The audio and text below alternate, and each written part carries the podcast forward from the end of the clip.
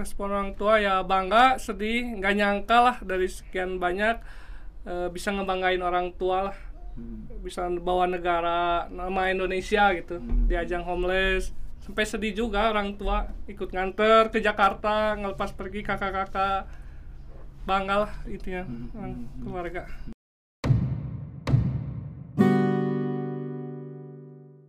Ya, eh, Tri Ruanda menemani kalian lagi teman-teman di kanal Indonesia Tanpa Stigma. Kalau dalam episode sebelumnya saya bicara dengan eh, ngobrol dengan Bogim Sofyan. Kali ini pun masih ada Bogim di sebelah saya. Gim, damang Gim. Alhamdulillah kan. Sehat selalu. Halusnya kostimnya eh. artefak, artefak. Artefaknya, ah, itu dia artefak. Eh, Bogim akan temenin saya di eh, sini. Kemudian juga sebelah kiri saya ada Suherman alias Piton ya. siap betul kan terus Ah, kita masih ngobrol tentang Homeless World Cup ini kawan-kawan karena ya seperti kita tahu perhelatan pertama kali eh, Rumah Cemara eh, mengirimkan tim nasional untuk mengikuti Homeless World Cup itu persis satu dekade ya. Eh, 2011 mulainya ya Bugim ya. Iya. 2011 eh, sekarang udah 2021 persis 10 tahun lalu. Berarti buat kami di kanal Indonesia Tanpa Stigma ini perlu dalam tanda petik dirayakan lah dengan sesuatu dengan eh, membahas kembali eh, masa-masa sewaktu Homeless World Cup itu berlangsung. Nah, eh, ada dua kawan, ada Bogim dan eh, Suherman alias Piton. Kita akan ngobrol tentang eh, Homeless World Cup. Mungkin lebih khusus ke 2012 karena yang 2011 tadi di kanal sebelumnya, di episode sebelumnya sudah ngobrol dengan Bogim. Di yang sekarang ini saya pengen ngobrol banyak juga dengan Suherman alias Piton karena Piton ini mengikuti Homeless World Cup yang kedua diikuti oleh Indonesia tahun 2012 di Meksiko ya ya betul di Kan. Meksiko. Bogim kenapa masih ada di sini selain karena eh, Piton senama hayang ditemenin gitu ya. Iya.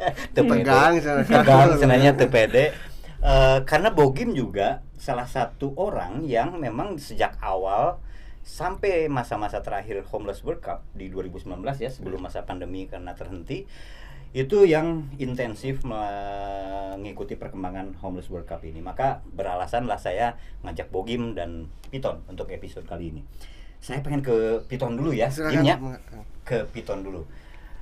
Piton eh, 2012 mengikuti kegiatan eh, apa bukan kegiatan turnamen di di street soccer dunia di Meksiko ya di Meksiko.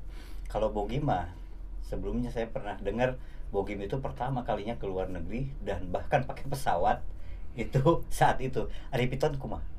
saya sama sama Bogim pertama kali ke luar negeri naik pesawat sekali seumur hidup saya Jeng jauh deh anjing jauh deh aduh Eh, enaknya Piton atau Suherman sih saya panggil? piton aja Piton aja. Hmm. Nah, Piton kunaon sih dipanggil Piton itu kan ular, ular sanca gitu nya. Kenapa eh, Suherman jauh kanu Piton nama panggilan aja dulu. Hmm. Kenapa sih dipanggil Piton? mungkin saya dari kecil eh, kata seksuna nama tidak cicing Tidak cicing, nggak bisa diam. nggak bisa diam teman-teman. lah Ah, nggak tadi diam. kadieu wae di rumah teh ke sana ke sini Ngalewor, Mm-mm. siga orang. di dikasih we nama ada sama tetangga piton sampai sekarang sampai sekarang. Piton hari-hari sekarang ini sebelum nanti cerita tentang HWC 2012 ya. Sekarang kegiatan apa ngapain aja Piton? sehari-hari paling sekarang saya ya biasalah kerja Kerja jadi kerja jadi bu freelance lah kadang panggilan saya kerja kalau enggak ya saya diam di rumah Kerja apa itu? saya nge kerja eh, nganter mebel Hmm. mebel-mebel ukiran Jepara ke tiap-tiap rumah kadang ke luar kota saya suka bumi Cianjur Hmm. ngirim barangnya Hmm, Itu ya eh, Hmm. hari-hari ya. sehari-hari kadang ojek saya Kadang ojek juga. iya heeh. Oke. jadi driver Jadi driver. Gaya freelance buruh we buku. Gaya. Oh my god. Gaya tuh. Gaya. Benar, benar, itu kan ditonton Oh, banyak orang atau itu kudu gaya atuh. Urang teh ditonton banyak orang kudu gaya. atuh. berbagai jutaan Iya atuh. Oke, jadi eh, hari-hari eh, seperti tadi ya. Nah, sekarang saya pengen ngajak ke eh, 9 tahun lalu ya berarti 2012 kita flashback ke 2019 eh 2012 Piton awalnya gimana sih ceri- ceritain dong awalnya kok mengikuti Homeless World Cup waktu itu kan waktu itu apa ya namanya eh, rumah Cemara kan melakukan seleksi tuh Hmm. nah kumaha Piton bisa ikut di jadi timnas waktu itu anggota timnas Saya eh, ikut karena sebelumnya eh, ikut di dalam kaum futsal. Mhm. Cuman dalam kaum kan itu udah kerja sama sama Rumah Cemara. Mhm. Saya Oh, DKRC diundang ya? DKRC. Ya, itu ya, Iya, DKRC. DKRC saya diundang buat seleksi ya Jawa Barat. Mhm. Udah seleksi, alhamdulillah saya kepilih mewakili Jawa Barat buat di aduh lah buat antar provinsi itu. Mhm. Mhm. Hmm, antar provinsi alhamdulillah lagi rezekinya saya kepilih Eh, jadi pemain eh, udah kepilih ya emang udah rezeki posisinya eh, waktu itu teh waktu seleksi saya pemain cuman alhamdulillah saya punya basic dari kecil kiper hmm, jadi kiper ya Iya, eh, jadi kiper. di di di, di timnas ini di ya? timnas mungkin karena di timnas gak ada kiper lah kurang lah kipernya Ah, jadi saya yang kepilih Mhm, mhm. padahal saya seleksi jadi pemain gitu mungkin karena kan saya kiper kayak basic. pemain atau kumaha Kipernya dua batu itu dua, Dua. dua satu lagi dari? Jakarta dari Jakarta. Anton Anton Oke, se- se- sebutin saya sekalian ya pengen pengen ngecek juga bener tuh masih kena sok silaturahmi antar ti antar anggota tim. Siapa aja sih waktu itu yang yang ikut Homeless World Cup eh, 2012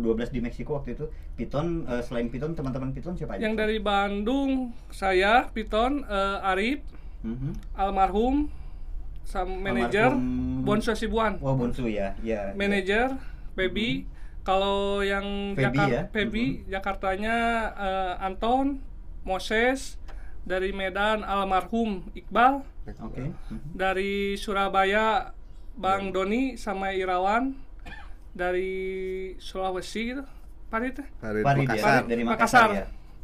Oke, oke, mungkin eh, itu teman-teman bisa bisa lihat juga kok pemberitanya cukup cukup cukup banyak waktu itu dan yang sekali lagi eh, ini yang pengen pengen saya jelasin kembali. Homeless World Cup memang eh, walau bagaimanapun eh, rumah Cemara itu tidak berambisi untuk apa mengejar prestasi juara ya sebagai satu-satunya nilai. Bukan ya bukan Betul. itu yang dikejar sama eh, apa eh, yang utama.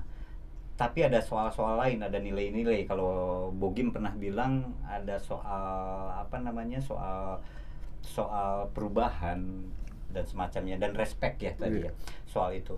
Nah tapi walau gimana pun ini sebuah kompetisi sebuah turnamen dan setahu saya 2012 angkatannya Piton ini raihan terbaik ya Betul. kalau dilihat dari eh, prestasi ya Ya. keempat ya waktu itu. Alhamdulillah keempat peringkat keempat Oke, ceritain dong waktu itu perjalanannya waktu eh, apa bermain waktu itu seperti apa sih? Lawan paling berat, kemudian eh, mungkin ada suka dukanya waktu di Meksiko sana. Ceritain dong, Piton. Eh, kalau pertama sih lawan ini lawan Yunani kita main Eh, lumayan lah kita menang yang seri kedua kita kalah lawan dari tim Amerika Latin itu sempat down tim Kenapa? karena kalah Oke, kalah Karena kalah. dari tim mana ya waktu itu? Brasil. Chili atau Chili Chili ya? eh bukan Chili pokoknya adalah dari Amerika Latin Mhm. saya lupa lah pokoknya itu Hmm. Dari itu kita bangkit dari pertandingan selanjut selanjutnya menang. Alhamdulillah sampai masuk semifinal kita lawan tuan rumah Meksiko, Meksiko. ya. Dan kita kalah.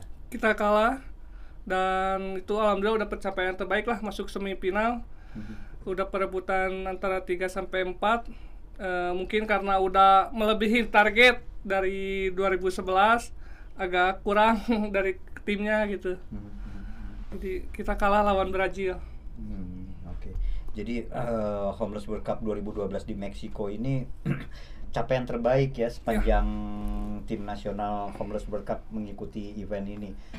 Peringkat keempat ya, peringkat keempat dunia dan diikuti oleh berapa puluh negara ya, Gim? Antara 50 60-an Iya. negara ya waktu itu Iya. seingat saya ya. Ada 50-an negara tapi ya puja-puji waktu itu muncul kan di banyak tempat kan apa namanya eh, pemberitaannya juga luar biasa waktu itu. Nah, saya pengen ke Bogim nih sebelum nanti ke Piton lagi. Bogim kan ngikutin tuh dari awal proses dari mulai seleksi. Apa yang membedakan tim 2012 ini dengan tim yang eh, lain Bogim? Eh, Kok prestasinya men- mentereng gitu sampai ke peringkat keempat Bogim? yang pertama sudah terkonsep Kang Hmm. maksudnya udah dibentuk eh, sedemikian rupa dengan keterbatasan gitu maksudnya. Justru yang unik tuh 2012 Kang. Apa uniknya? uniknya yang pertama eh, si pelatih yang tadinya pelatih jadi pemain. Oke. si pros, eh, si awalnya kiper eh awalnya pemain ditarik jadi posisinya jadi kiper. Mhm. itu dalam proses latihan sebenarnya. Dilihat dari eh, awalnya pelatihnya yang kepilih itu Doni Doni Choi Hmm. Doni Choi kepilih karena satu dan lain hal eh, pas di lapangan maksudnya dalam la- proses latihan ini terlalu menonjol terus yang keduanya eh, secara skill cukup jauh gitu Jomplang gitu. jomplang makanya udah ganti aja eh eh, Doni jadi pelatih Bon Hasibuan almarhum jadi pemain Hmm. begitu juga sama Piton Hmm. Eh, awalnya kipernya cuma satu kita ambil Anton gitu dari Jakarta cuman ya gitu dalam proses latihan eh, jauh cobain kip, eh, Piton yang jadi kiper ternyata dia lebih lebih siap gitu Hmm. Da- eh, apa ya proses pembelajaran dari 2011 eh, yang sangat dibutuhkan kiper gitu makanya kita switch Tarik. gitu ditarik dari manajemen gitu dari manajem- manajemen kita menentukan oh udah ganti aja mendingan gini seperti ini seperti dan alhamdulillah hasilnya maksimal gitu Hmm. gitu sih Selain prestasi yang memang paling capaian paling baik ya eh, peringkat keempat, apalagi yang membuat ini jadi istimewa? yang lebih istimewa semua berlatar belakang yang sangat menarik kang Kumaha? Saya Ya. percaya sih Gim. Jadi eh, tiap angkatan Homeless Iya. World Cup ini pasti istimewa gitu Iya. ya. Nah, tapi untuk 2012 ini apa yang paling istimewa? saya justru datang ke setiap teman-teman yang ada khususnya di Bandung gitu kan Ya, ya. memastikan bahwa dia benar-benar dalam tanda kutip marginal gitu. Mhm. Saya datengin jadi detektif lah gitu oh, kan. ya, investigasi. Iya ya, investigasi. oke. Dan benar benar keadaannya ya benar benar semua gitu. Ya maaf jatuhnya ketika saya datang ke rumahnya Piton dengan rumah sepeta keluarganya banyak gitu. Saya datang ke rumahnya disangka wartawan. ah macam-macam kan itu. Nah, iya. Oh karena eh, Bogim dan teman-teman waktu itu harus memastikan eh, apa para pemainnya ini memang yang mewakili kelompok Betul. marginal ini ya. Betul, betul. Dan waktu contohnya misalnya, mumpung Piton ada di sini, waktu datang ke tempat Piton, Iya. itu tercermin dari kondisi rumah, gitu Iya, ya. sampai ke betul. situnya ya Iya. ngeceknya ya, Betul. kondisi rumah. Terus eh ya saya pakai bahasa yang telanjang ya, bukan orang yang kaya gitu kan, Betul, betul. yang bisa bepergian ke luar negeri dengan mudah kan gitu Betul. ya. Oke, jadi miskin lah gitu ya. Kelompok miskin kota Iya, gitu. betul. Ya, waktu itu kategorinya. Nah, selain itu juga eh, Rumah Cemara kan memberangkatkan tim ini selain yang kelompok-kelompok marginal seperti tadi itu ada juga yang HIV, Betul. ada juga yang pengguna nafsa ya, nar- narkoba. Nah, eh, jadi Bogim dan teman-teman memastikan itu make sure bahwa oke, ini memang layak untuk jadi anggota tim. Betul. Dari skill gimana? Dari skill kebetulan eh, kita kerjasama sama beberapa teman-teman LSM seperti Rumah Cemara yang ada di provinsinya masing-masing gitu kan. Hmm. Jadi kita mendatanga, mendatangkan teman-teman yang dari luar eh, Jawa Barat kita undang untuk mengikuti seleksi di Bandung. Hmm. Kita di sana eh, ada liga namanya Liga Perubahan, League of Change, League of Change ya, itu ya. gitu. Kita pilih dari berbagai latar belakang, dari berbagai daerah ya provinsi kita eh, disatuin menjadi satu gitu. Itu proses yang sangat unik kalau menurut saya karena di tahun saya hanya diwakili oleh teman-teman dari Bandung Hmm, hmm, hmm. ada satu dari Jakarta eh, itu proses yang sangat uniknya ya memadukan mereka dengan kultur yang berbeda gitu Kang Iya, iya benar. kayak egonya terus hari rasna kamu Makassar Surabaya gitu mah kan si Farid wah, ya, Farid kalau lagi nonton dia. Ya. Farid Makassar kan? wah Farid Makassar itu sangat keras gitu kan nah dipaduin sama teman-teman yang dari Bandung ya kalah kalah itu kan Slow, ya slow. tambah ku manajer nu rada galak pelatih nu rada galak jadi combine semua Hmm. dari Medan apalagi gitu Hmm, hmm. dari Medan kalau nggak setuju bilang nggak setuju gitu Oke. itu yang sangat menarik dan unik gitu kalau menurut saya dan capaiannya ternyata mele- meledak ya Iya. waktu itu ya. Iya. Ya saya saya ingat betul karena pemberitanya juga luar biasa waktu 2012 itu ya. Bukan berarti uh, Homeless World Cup tahun yang lain itu buruk gitu ya. Betul, Maksudnya betul. tiap tahun itu saya percaya istimewa gitu kan. Tapi kita lagi bicara tentang 2012 ini Betul. kan gitu. Nah, Piton eh balik lagi ke Piton nih.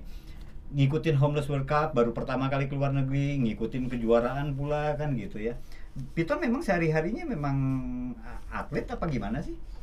Kalau Dulu sehari- sebelum sebelum ikutan ini atau hanya hobi saja? karena hobi lah saya dari kecil emang hobi main bola ikut-ikutan lah kalau ada yang ngajak saya ikut pergi ke mana hobi ketika ada tawaran ya ikut main bola cuman hobi aja Hmm, hmm, hmm, hmm. Eh, seingat saya, Piton itu pernah jadi pemberitaan juga eh, di banyak media karena mendapatkan peluit ya, ya peluit dari wasit Australia kalau saya nggak Iya. salah, yang terkesan katanya karena si Piton ini senyum terus, gitu kan, gitu kan. Jadi katanya senyum itu mau kalah mau menang eh, dia senyum dan membahagi, memberikan kebahagiaan buat orang lain, itu intinya. Ceritain dong waktu itu gimana sih? Kok bisa dapat peluit itu, Piton? Mungkin bukan karena senyum lah karena cuaca Meksiko kan panas. Cuaca panas terkendala bahasa. Ah. karena saya nggak bisa bahasa lah bahasa Inggris gitu. Ada yang ngajak ngobrol ya saya senyum aja. Tapi buat orang lain itu dianggap membahagiakan orang lain gitu. dianggap menyenangkan padahal saya cuma ya cuaca saya kenal Nyengil bahasa. nyengil panas. Disangka iya di seringai Ah, berseringai, nyengil gitu kan. ah. Gitu ya. Mm-mm. Lalu kemudian dapat peluit itu. dapat peluit dari wasit yang katanya dulu pernah kasih kartu merah buat David Beckham Hmm, wasit itu tuh. Nah, Nah, ke Piton mah ngasih peluit. Ngasih Apa yang peluit. dia bilang waktu itu? Masih inget nggak? yang dia bilang ya itu kamu eh, main bolanya enjoy cina mau kalah mau menang kamu tetap selalu tersenyum itu membuat orang-orang lain bahagia itu yang saya dengar Hmm. translate lah dari Indonesia Eta nu ku saya ditanyakeun teh Gim, right, dah. menurut ditanyakeun teh. Nah, gini kan ngalih ini pada buat teh nya. Mana pika sebelen Itu ya yang yang Hmm. eh, apa namanya? Orang mengatakan ya begitu katanya ya. Maka kemudian dapat peluit itu masih ada sekarang. alhamdulillah masih ada disimpan di rumah Disimpan di rumahnya, eh, diamankan ya. itu. diamankan Ya, ka- kabarnya sih itu peluit terbatas ya. Hmm. Peluit ada 30 di dunia atau Iya. 30 kalau nggak salah, eh, nggak salah saya baca beritanya 30 di dunia dan salah satunya dimiliki oleh eh, Piton sekarang dari wasit itu. Ya ini menarik eh, kawan-kawan ya capaian-capaian yang buat hidup seseorang itu kan membahagiakan ya Piton. Nah berkaitan sama hidup sehari-hari, Piton setelah mengikuti Homeless World Cup apa sih yang di eh, kan konon kabarnya Homeless World Cup-nya RC ini dirancang agar seseorang mengalami perubahan katanya gitu dalam hidupnya kan gitu. Apa perubahan yang dialami sama Piton? perubahan mungkin sama kayak Bogim jadi saya saling menghargai satu sama lain sama teman eh, yang tadinya saya sendirilah jadi ikut sharing-sharing sama teman selalu kumpul biasanya jadi gitu saya berubah perubahan dari hidup saya. Kenapa bisa begitu? dulu saya saya pendiam pemalu. Hmm. mungkin karena diikut HWC kan jadi kumpul yang jadinya saya pendiam mau nggak mau ya harus ikut. Saking apa eh, waktu lah bersama gitu sama teman-teman. Jadi kehidupan setelah HWC ya ikut gitu sama. Hmm, jadi ada apa namanya ada hal yang baik yang yang terjadi pada diri Hmm. Piton ya bisa lebih gaul menurutnya ini Hmm, lebih gaul. lebih gaulnya gitu Bogi Iya betul kang. Ada hal yang menarik kang sebenarnya dari Piton tah? ketika dia pergi membela Indonesia eh, si warganya oh, ibu RW-nya dia bikin donasi gitu kang buat ya bikin donasi itu ya, terus saya tanya kenapa bu bikin donasi? Ya udah membawa nama eh, wilayahnya Babatan kan di Babatan. Di Babatan Iya. di- itu Babatan itu satu daerah di kota Bandung teman-teman di pusat kota ya. Pusat kota yang berdekatan dengan Saritem. Ah, itu perlu disebut. Wah, legend eta. Saritem adalah satu kawasan yang ada pesantren di sana. Iya, Ah, gitu kan. kawasan yang pesantren. pesantren lain nama. Oke, gimana gitu? Ya jadi, hmm, eh, warganya nyumbangin ala kadarnya mungkin seadanya karena eh ya seadanya seikhlasnya gitu kan dan itu diberikan langsung ke Piton gitu. hmm, Itu karena bentuk apresiasi telah mengangkat derajat warganya gitu. Si babatannya sendiri diangkat ke Piton gitu kan. Kata kan keren kan. Gila, nepi ka disebut mengangkat derajat, Iya. harkat dan martabat gitunya. Piton, bagaimana keluarga waktu itu ngelihat eh, Piton? Waktu dinyatakan lolos bakal keluar negeri, apa eh, respon apa reaksi mereka? Reaksi bangga kepada orang Piton tua. tuh eh, sekeluarga berapa eh, adik kakak? Ada berapa? 10 taruhlah semua 10 10 orang? ya saya yang nomor 9 Oh, pangais bungsu. Pangais bungsu. Bungsu. Eh. Pangais bungsu. Apa respon kakak-kakak atau orang tua waktu itu? respon orang tua ya bangga sedih nggak nyangka lah dari sekian banyak eh, bisa ngebanggain orang tua lah bisa bawa negara nama Indonesia gitu di ajang homeless sampai sedih juga orang tua ikut nganter ke Jakarta ngelepas pergi kakak-kakak bangga lah intinya orang keluarga Siga naik hajinya. Iya, juga naik haji gitu. Diantar sampai Botram di Jakarta, Botram teh, henteu. ya tapi menarik ya apa capaian-capaian seperti itu ya. Bahkan eh, R- Bu RW-nya ya kata Iya Bu RW. kata kata Bogim tadi sampai melakukan donasi untuk ya membekali Iya. eh, Piton mungkin ya. Bogim dari sosok Piton ini apa sih yang dilihat lagi selain tadi kan awalnya pemalu, awalnya kurang gaul lah ibaratnya mah ya terlebih tertutup itu apalagi yang Bogim melihat perubahan seperti apa sebagai kawan melihat eh, Piton?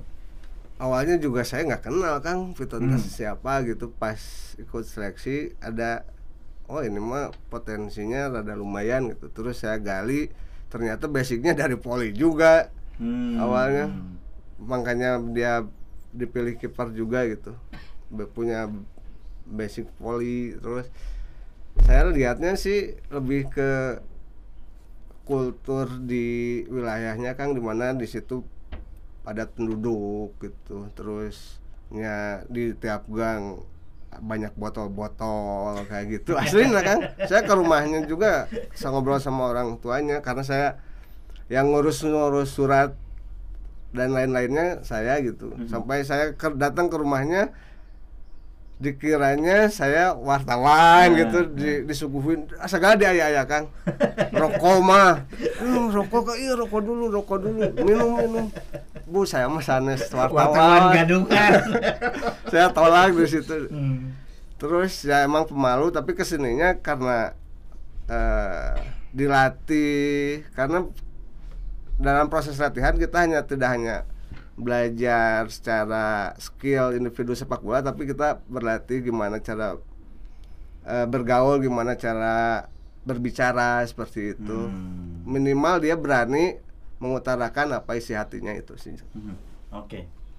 Bisa apa mengutarakan isi hatinya ya. Iya, Menarik betul. sementara awalnya kan Hipiton mah cenderung pendiam tadinya. betul Ya aneh juga ya eh, apa pendiam tapi lagi kecilnya luar lewar wae itu bisa cicing kan gitu.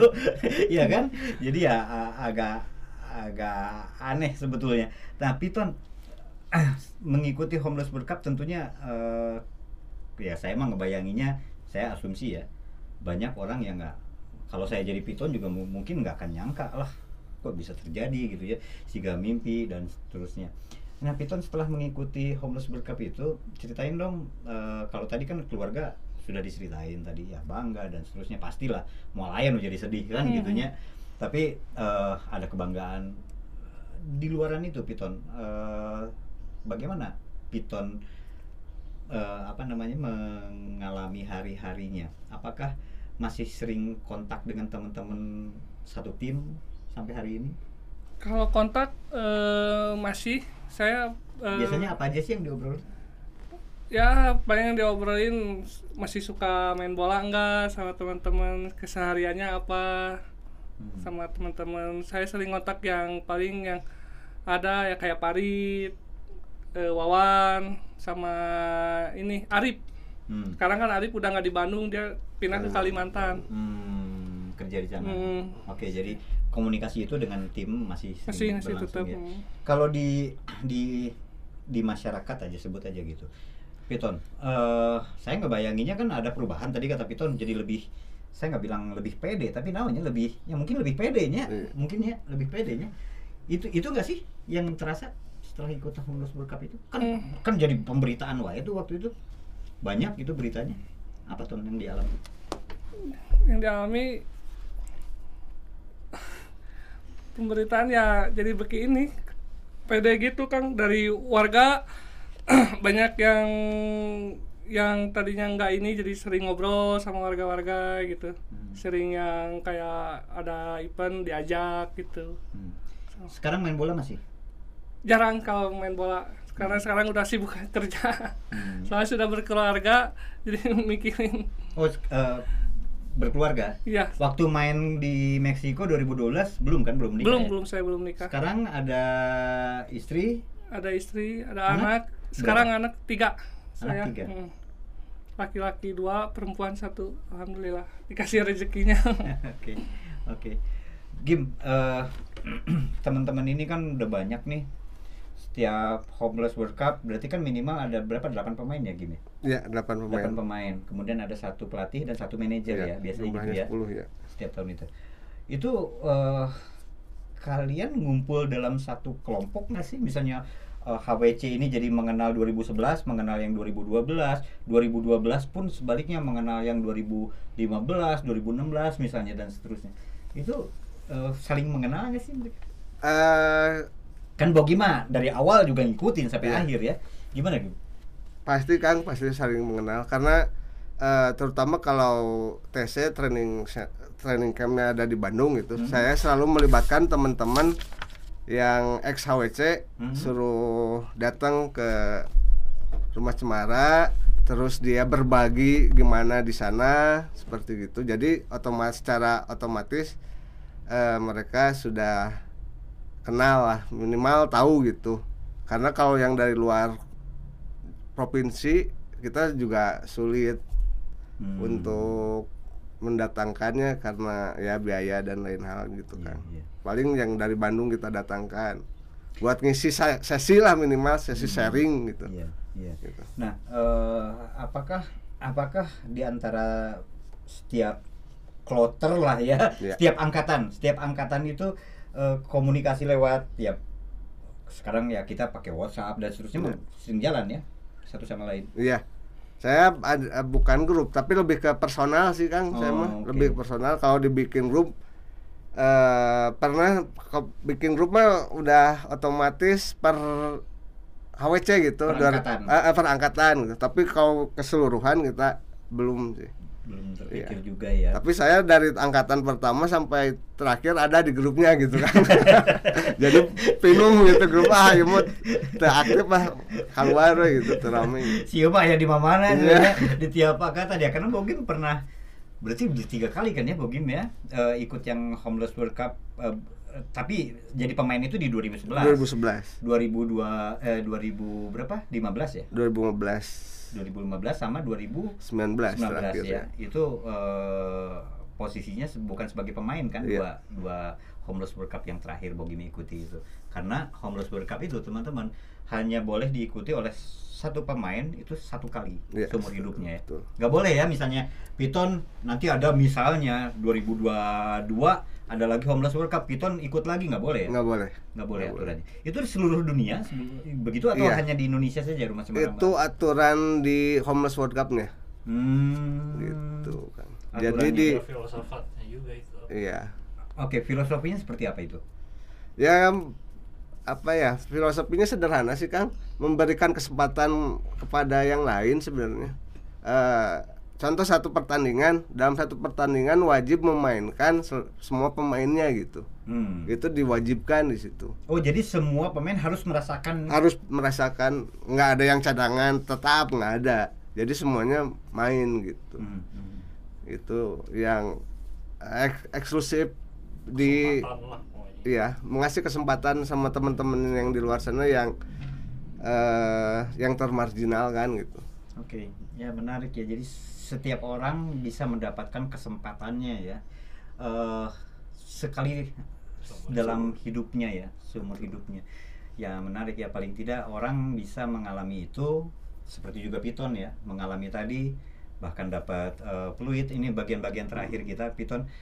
Dari 9 tahun yang lalu sekali lagi ya ini flashback apa yang paling Piton ingat? Kenangan apa sewaktu di Meksiko itu kenangan yang paling diingat di waktu Meksiko eh, ketika ini kebersamaannya. Kebersamaan mas sering atau di dalamnya benar. di Meksiko. Waktu sama timnya soalnya Nah. kalau ya udahlah udah di Meksiko kan kalau udah pulang ya nggak bisa bersama lagi sama tim yang udah kayak keluarga gitu. Hmm. itu kebersamaan sama pemain-pemainnya soalnya kan bukan kita kan bukan dari lingkungan Bandung. Hmm. berbagi daerah gitu. Itu sih Ah, yang paling dikangenin. paling dikangenin ya. Hmm. bisa kasih contoh nggak? Ada ada kejadian apa gitu yang yang justru bareng-bareng ngalamin waktu itu di Meksiko? Kejadian yang ini kan eh, kebersamaan tuh kata Piton ya yang sangat terasa sampai hari ini.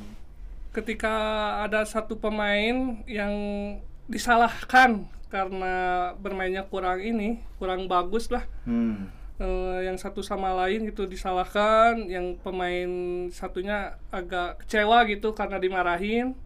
Kita kumpul cari solusi gimana buat mecahin masalahnya.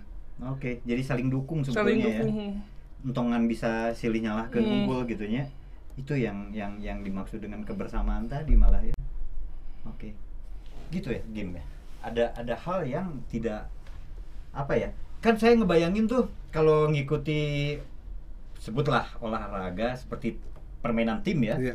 dan manusia mah homolu dance-nya Betul. makhluk yang bermain teh kan jadi ketika ini dimainkan oleh satu tim ayah hiji anu atau satu atau beberapa orang yang ternyata mainnya kurang optimal gitu Iya. itu kan dinamikanya suka terjadi tuh suka disalahin apa gimana pasti pasti gimana tim biasanya mengatasi itu. Kalau tadi saya baru dengar contoh kata kata Piton tadi di timnya mah ya saling ngedukung ya udah yuk cari solusinya kumaha. Gitu nggak sih yang dilakukan oleh tiap tim? Pasti kang. Setiap tahun pasti seperti itu karena kulturnya dari awal latihan kita diproses di di prosesnya setelah bermain atau setelah latihan kita selalu ngumpul selalu sharing eh, kekurangan kelebihan teman-teman. Mhm. Itu selalu dan ada solusinya gitu. Begitu. Oh, evaluasi dia evaluasi ya. Hmm. begitu juga di dalam pertandingan setiap sudah main kita evaluasi bareng kekurangan kelebihan eh terus aya nu teu enak antar individu pemain kita omongin langsung di situ dan kita harus beresin di situ. Sok parasea tuh game pasti kan Pasti pasti itu pasti itu bertengkar ya pasti Iya. ya? Berteng pasti itu mah. Salah satu contoh gini kang. Eh ada sindrom kebintangan tenar gitu kan Oke. banyak wartawan gitunya Ah, di sana. ah, ah. oh pemain Indonesia bagus yang diliputnya si ini aja. Itu terjadi konflik kang nah si itu wae nu diwawancara Oke, teh gitu. sirik, sirik ya, gitu. oke. nu lain henteu gitu kan seperti itu. Iya. nah kita bareng-bareng kita diskusi. Ini tuh emang kebutuhannya seperti ini gini gini gini. Karena kita eh bukan hanya prestasi kita ada kampanyenya juga di sana kita menyuarakan hak-hak teman-teman yang ada di Indonesia jadi otomatis dan mereka alhamdulillah mengerti gitu mengerti jadi Mengerti. biasanya eh, tim akhirnya bisa mencari jalan ya keluar Betul. eh, jalan keluar dari ya situasi yang nggak nyaman kan ya anu hiji sirik anu hiji ngerasa apa jadi bintang kan gitu ya Betul. jadi jadi ya tidak sehat juga ya kalau Betul. dipelihara kan gitu nah ini Kim kan kan Indonesia main di luar gitunya biasanya suka banyak penduduk eh, saya saya sering lihat lah dulu postingan-postingannya di rumah Semara itu kan ada orang Indonesia yang nonton di sana. Iya. biasanya respon mereka seperti apa sih? Ya yang tadi kan juga artis itu gitu. Ya, kita tuh dianggap apa ya membela negara dianggap pahlawan gitu kan meskipun ya selamat selamat gitu gue nggak ngasih apa-apa maksudnya minimal makanan lah gitu ya ngan selamat ya main bagus gitu itu satu kebanggaan dan jadi Oh itu suka ada ya penonton orang Indonesia yang di Ada, kan? warga di sana yang Ada. nonton. ada ya dari KBRI juga suka datang biasanya dan itu Suka Apa ya? undang juga kang undang makan makan ya kita diundang suka diundang makan-makan Ke KBRI ke gitu KBRI ya. Hmm. Piton juga eh, lihat respon orang Indonesia saat saat saat main di Meksiko waktu itu. Mungkin karena di Meksiko orang Indonesia Sedikit terlalu ya? sedikit sih. Cuman orang-orang KBRI aja yang nontonnya. yang nonton. Itu juga ya sama sama Pak Dubesnya ada diundang minimal ada lah tiap pertandingan yang nonton gitu dari KBRI. makanan, bahasa dan kultur kalau kata Bogim itu sering jadi hambatan ya Hmm. eh, di sana. Apa yang Piton alamin waktu di Meksiko? Bahasa jelas tadinya Bahasa. sempat sempat sulit ya. Bahasa jelas kalau makanan ya enggak sih saya nggak terlalu ya itu kata sama kayak mungkin ketika di WC kita mau buang air itu. Ya, yang biasa di Indonesia kan kita pakai air lah. Mhm. Ini cuman pakai tisu. Itu pun kalau di WC kadang kita bawa botol, bawa botol aqua yang ya seliter gitu, isi air gitu.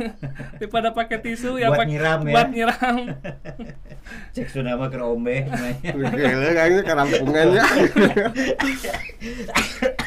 Oke, kawan-kawan. Ini kita baru baru ngulik aja dari satu aspek aja ya soal homeless World Cup.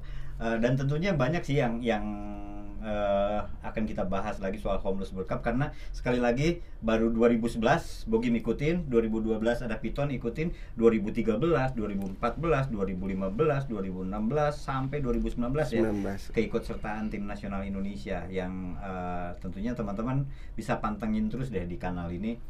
Mudah-mudahan kami bisa menghadirkan perwakilan-perwakilan mereka kalaupun menghadirkan semuanya agak sulit gitu ya. Iya. Karena terkendala banyak hal lah.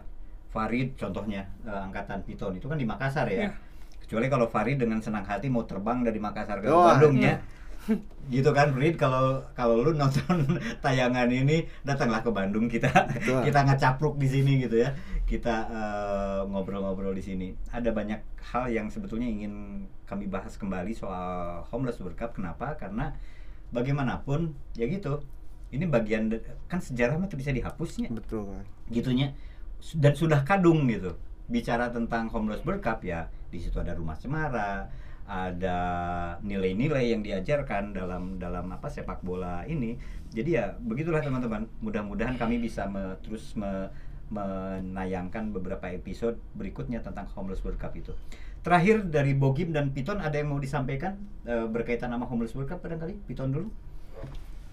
Apa sih yang yang pengen ke depannya yang bakal dilakukan sama Piton mungkin ada keinginan lah untuk berkaitan sama homeless World Cup ini Mungkin kalau saya keinginan di Homeless World Cup mudah-mudahan eh, Indonesia bisa jadi tuan rumah buat homeless saja lah.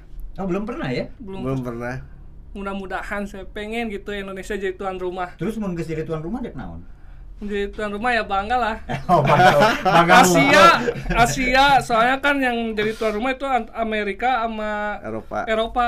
Asia belum pernah Asia belum pernah Belum ya pernah. belum pernah. Sama sekali. ya kita lihat lah Eh, saya saya pernah ngintip sih websitenya homeless World Cup. Belum 2021 kayaknya nggak akan ada ya Bu? iya iya kan. Mungkin ya karena 2020 tuh rencananya di Finlandia kalau nggak salah ya. Tapi kemudian eh, kawan-kawan kita tahu Maret 2020 kemudian ada yang namanya pandemi corona kan. Dan itu mengubah banyak hal termasuklah homeless World Cup jadi nggak berlangsung lagi. Dari Bogim terakhir barangkali soal homeless World Cup apa yang mau disampaikan? Eh buat teman-teman eh, apa ya tetap tetap semangat jangan berhenti untuk berharap gitu mudah-mudahan ke depannya ada event atau ajang-ajang yang lain selain homeless yang bisa minimal membanggakan buat dirinya sama keluarganya minimal itu itu aja paling. Oke. Membanggakan buat dirinya dan keluarganya Iya. ya. Itu itu yang saya, saya kutip karena ya banyak cerita sebetulnya yang eh, nanti jangan amunisinya jangan ditumpahin semua hari ini ya. Game ya. Siap, siap. masih banyak cerita-cerita menarik di balik homeless world cup itu. Kawan-kawan kami pamit. Terima kasih banyak Bogim sama-sama Siap. Kang Pitonnya, Siap, terima kasih banyak. Jangan kapok kalau kami undang lagi. Kawan-kawan terima kasih sudah menyimak episode ini. Dan biar apa namanya biar kanal ini makin berkembang kalian boleh subscribe like komen dan share tayangan ini. Kami pamit ya. Terima kasih. Dadah Thank you.